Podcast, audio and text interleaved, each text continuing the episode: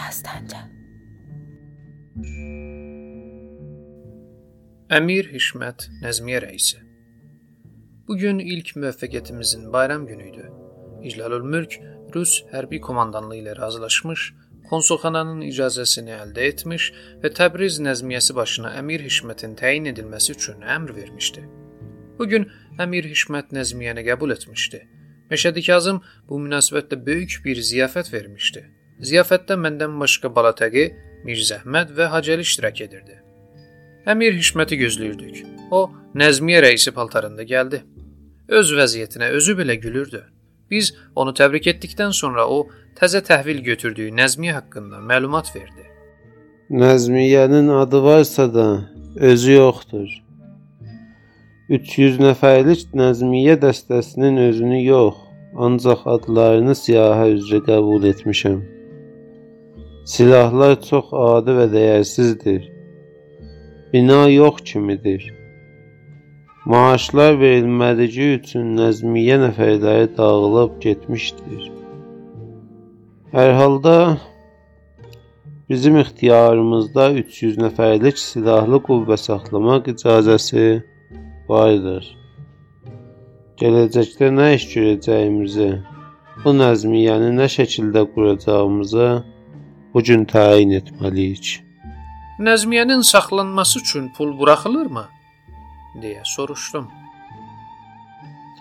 Müəyyən büdcəsi vardır, lakin təxsisatı buraxan hökumət sandığında bir dinar da olsa pul yoxdur.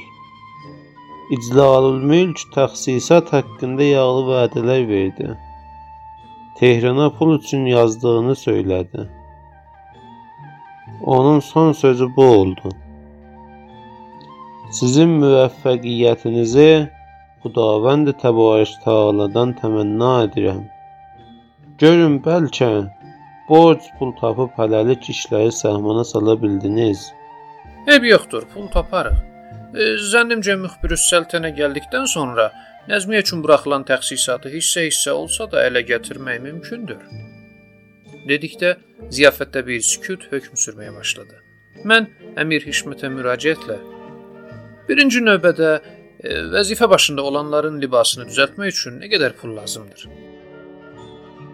300 nəfərdən silah başında 80 nəfər vardır. Bunların libasları üçün 1000 tümən lazımdır. 1000 tüməni mən verəcəyəm, deyə cürətlə cavab verdim. Sabahdan etibarən onların paltarlarını sifariş verərsən, Mənim bu sözümdən sonra Məşədi Kazım ağa Əmir Hişmətə müraciətlə Pul sandıqda hazırdır. Hər vaxt istəsəniz ala bilərsiniz. dedi. İndi bir işimiz qaldı, dedim. Nəzmiyə dəstəsinin özünü deyil, quru siyasını təhvil götürmək bizim üçün böyük bir qələbədir. Çünki onların hamısı vəzifə başında olsaydı, dəyişdirmək və yerində inqilabda tanınmış gənclərdən qoymaq çətin olacaqdı. İndi isə bizim əlimizdə böyük bir bəhanə vardır. Biz indidən 220 nəfər adamımızı nəzmiyə qəbul edə bilərik. Vəzifə başından gedənlərin hamısını çağırıb onların işdən xaric olduqlarını elan etməklə silahlarını almalıyıq. Belə bir elan yazıldı.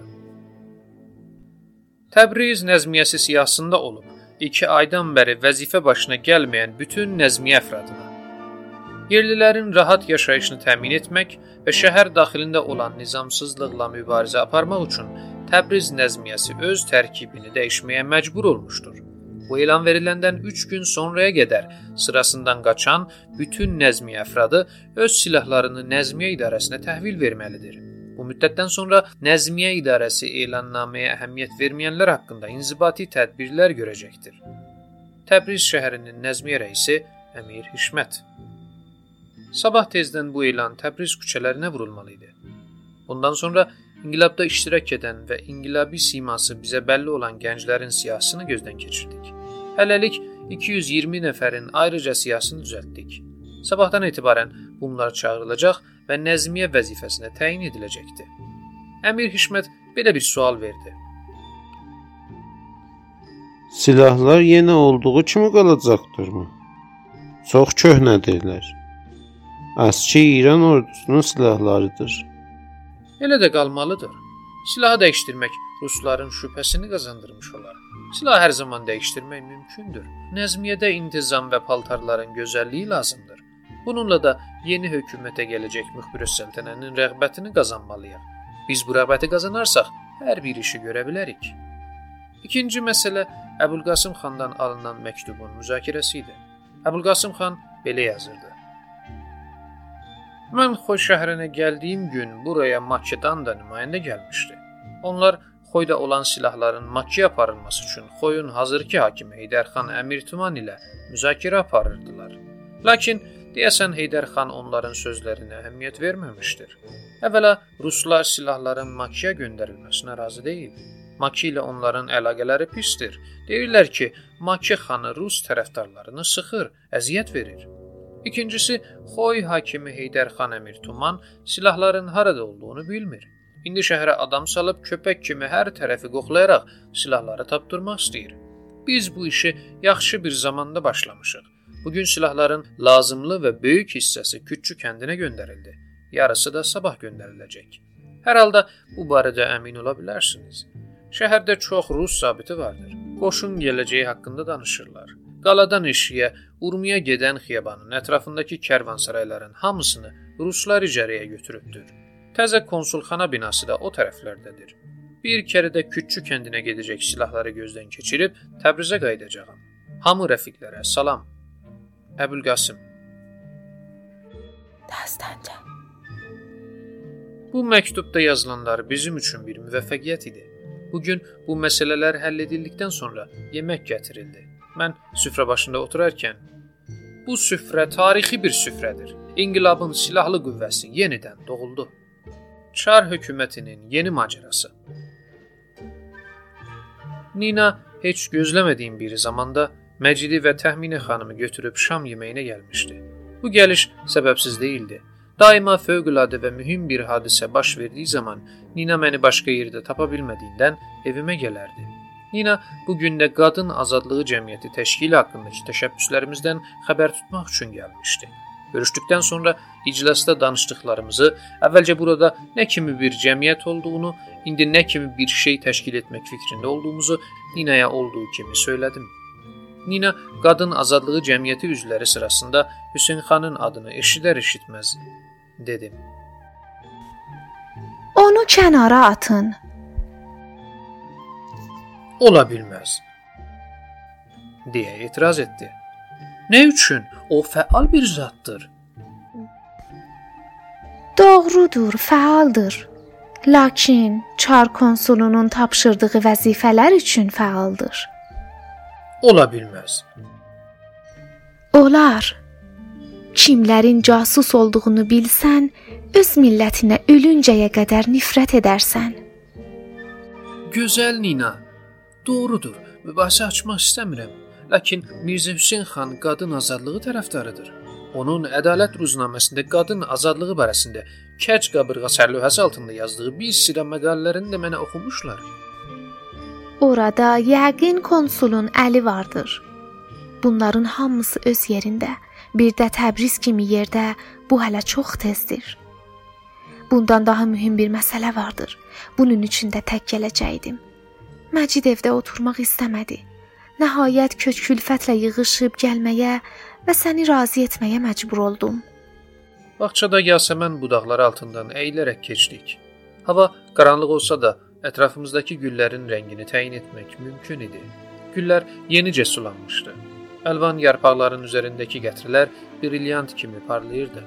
Bu qətrələr çoxdan bəri arzusunda olduğu bir cümləni ansızın olaraq eşidən bir qızın çöhrəsindəki tər damcılarını təmsil edirdi. Nina həmişə bahar gülünün budaqları arasından keçərkən Libarcan yaylasının axşama məxsus mehləri də əsməyə başlamışdı. Mehlərdən hərəkətə gəlmiş həmişə baharın tikanlı yarpaqları Latiş qızının al yanaqlarına toxunub onunla əylənirdi. Çiçəklərin müxtəlif rayihələri ilə canlanmağa başlayan sevgi duyğuları Ninanı başında çəkilməz bir ağırlıq təşkil edirmiş kimi gül yarpaqlarına qarışan sarı saçları əyilərək çiynimə düşürdü. Birdən sanki Ninanı bir səs oyandırdı. O diksindi. Dönüb baxdıqda Məcidin bizi araladığını, İkimizin də əlindən tutub gəzmək istədiyini gördük. Nina bir Məcidə və bir də mənə baxaraq güldü və Məni dinlə. Çar hökuməti yeni bir macəra düzəltməkdədir. Məhəmməd Əlinin yenidən taxta çıxarılması üçün hazırlıq görülməkdədir. Tehran səfarəti ilə Peterburq arasında gedən müzakirənin sürətləri Təbriz konsulxanasına göndərilmişdir. İngilislər də buna razılıq vermişdir. Məhəmməd Əlinin hansı tərəfdən İrana daxil olması müəyyən deyilsə də, ona yardım etməyi vədə edən qəbilələrdən onun Türkmənistan tərəflərdən girəcəyi bəlli olur. Şaha yardım vədəsi verənlər Şah Sevən, Türkəmən, Cəfərbəy qəbiləsi, Talış Mikaili, Hacı Xucalı, Can xanımlı, Puladlı və Gümüş Türkəmən qəbilələrdən ibarətdir. Konsulxanaya müəyyən təlimat göndərilmişdir. Konsul Məhəmməd Əlinin qələbəsinə inanır. Onun zənninə görə bütün qəbilələr, bütün yerli hakimlər Məhəmməd Əlinin tərəfindədir. Çünki yeni idarə olanların müstəqil yaşamasına imkan verməməyə çalışır. Konsulun fikrincə Sərdar Bəhadir ilə Yəprəmin Rəhimxanı məğlub etməsi başqa müstəqil feodalları da qorxuya salmışdır. Bunun üçün də Məhəmməd Əlinin tərəfdarlarının sayı gündən-günə artmaqdadır. Nina çox həyəcan və təlaşla danışırdı. O, sanki Məhəmməd Əlinin qələbə çalacağına və təxtə oturacağına inanırdı. Əlimi onun saçları üzərində gəzdirərək "Tökülmüş suyu yerinə qaytarmaq olmaz," dedim. Məhəmməd Əli Şah Tehran və Qazaq ləşkəri əlində olduğu zaman bir iş görə bilmədi. İndi 5-10 vəhşi qəbilə ilə təxtə əldə edə biləcəkmi? Ölkənin bütün dinclik sevən əhalisi, ruhanilərin liberal və tərəqqipərvər hissəsi Tacirlər, dükançılar, xırdapullular, sənətkarlar, kəndlilər tamamilə Məmməd Əlinin əleyhinədirlər. Bunu Çar Rusiyası bilirmi? deyə Nina təəccüblə soruşdu. Əlbəttə ki, bilir. Konsul da bilir. Onların əlində alət olan Məhəmməd Əli də gözəlcəsinə anlayır ki, bu işdən yaxşı bir nəticə əldə edə bilməyəcəkdir. Bəs nə üçün onu İrana gətirirlər? Onlar Tehran hökumətini qorxutmaq, Rusiya İngilis tələblərinə boyun əyməyə məcbur etmək istəyirlər. Daha sonra seçkilər başlanmaqdadır. Mərkəzdə Rus əleyhdarları gündən-günə çoxalır. Rusiya siyasəti məğlub olur. Onun İran torpağına daxil olması ziyalı təbəqənin nifrətinə səbəb olmuşdur. Bunun üçün də Rusiya hökuməti hələ öz mövqeyini bərkitməmiş məşrutəli hökuməti yeni təhlükə qarşısında qoymağa çalışmaq istəyir. Bu plan İranı tamamilə Rusiya-İngilis nüfuzuna təslim etmək planıdır. Bəs necə olacaqdır? deyə Nina soruşdu. Məhəmməd Əlini İrandan rəzil bir surətdə qovacaqlar. O bu səfərindən heç bir şey qazanmayacaqdır.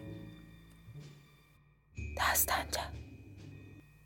Məcid bizdən ayrılıb getmişdi. Hələ söhbətimizi bitirmədən Məcidlə Hüseyn Əli əminin çəkişdiyini eşitdik. Məcid yenə də hovuzdakı balıqlardan birisini tələb edir, Hüseynələm isə vermək istəmirdi. Sən yenə heyvanı öldürüb pişiyə verəcəksən, deyirdi.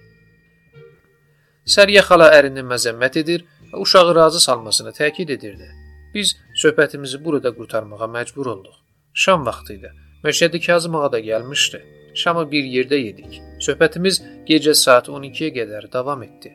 12-dən sonra Ninanı və Təxminə xanımı evinə müşayiət etmək üçün Məşədi Kazım ağa ilə birlikdə evdən çıxdıq.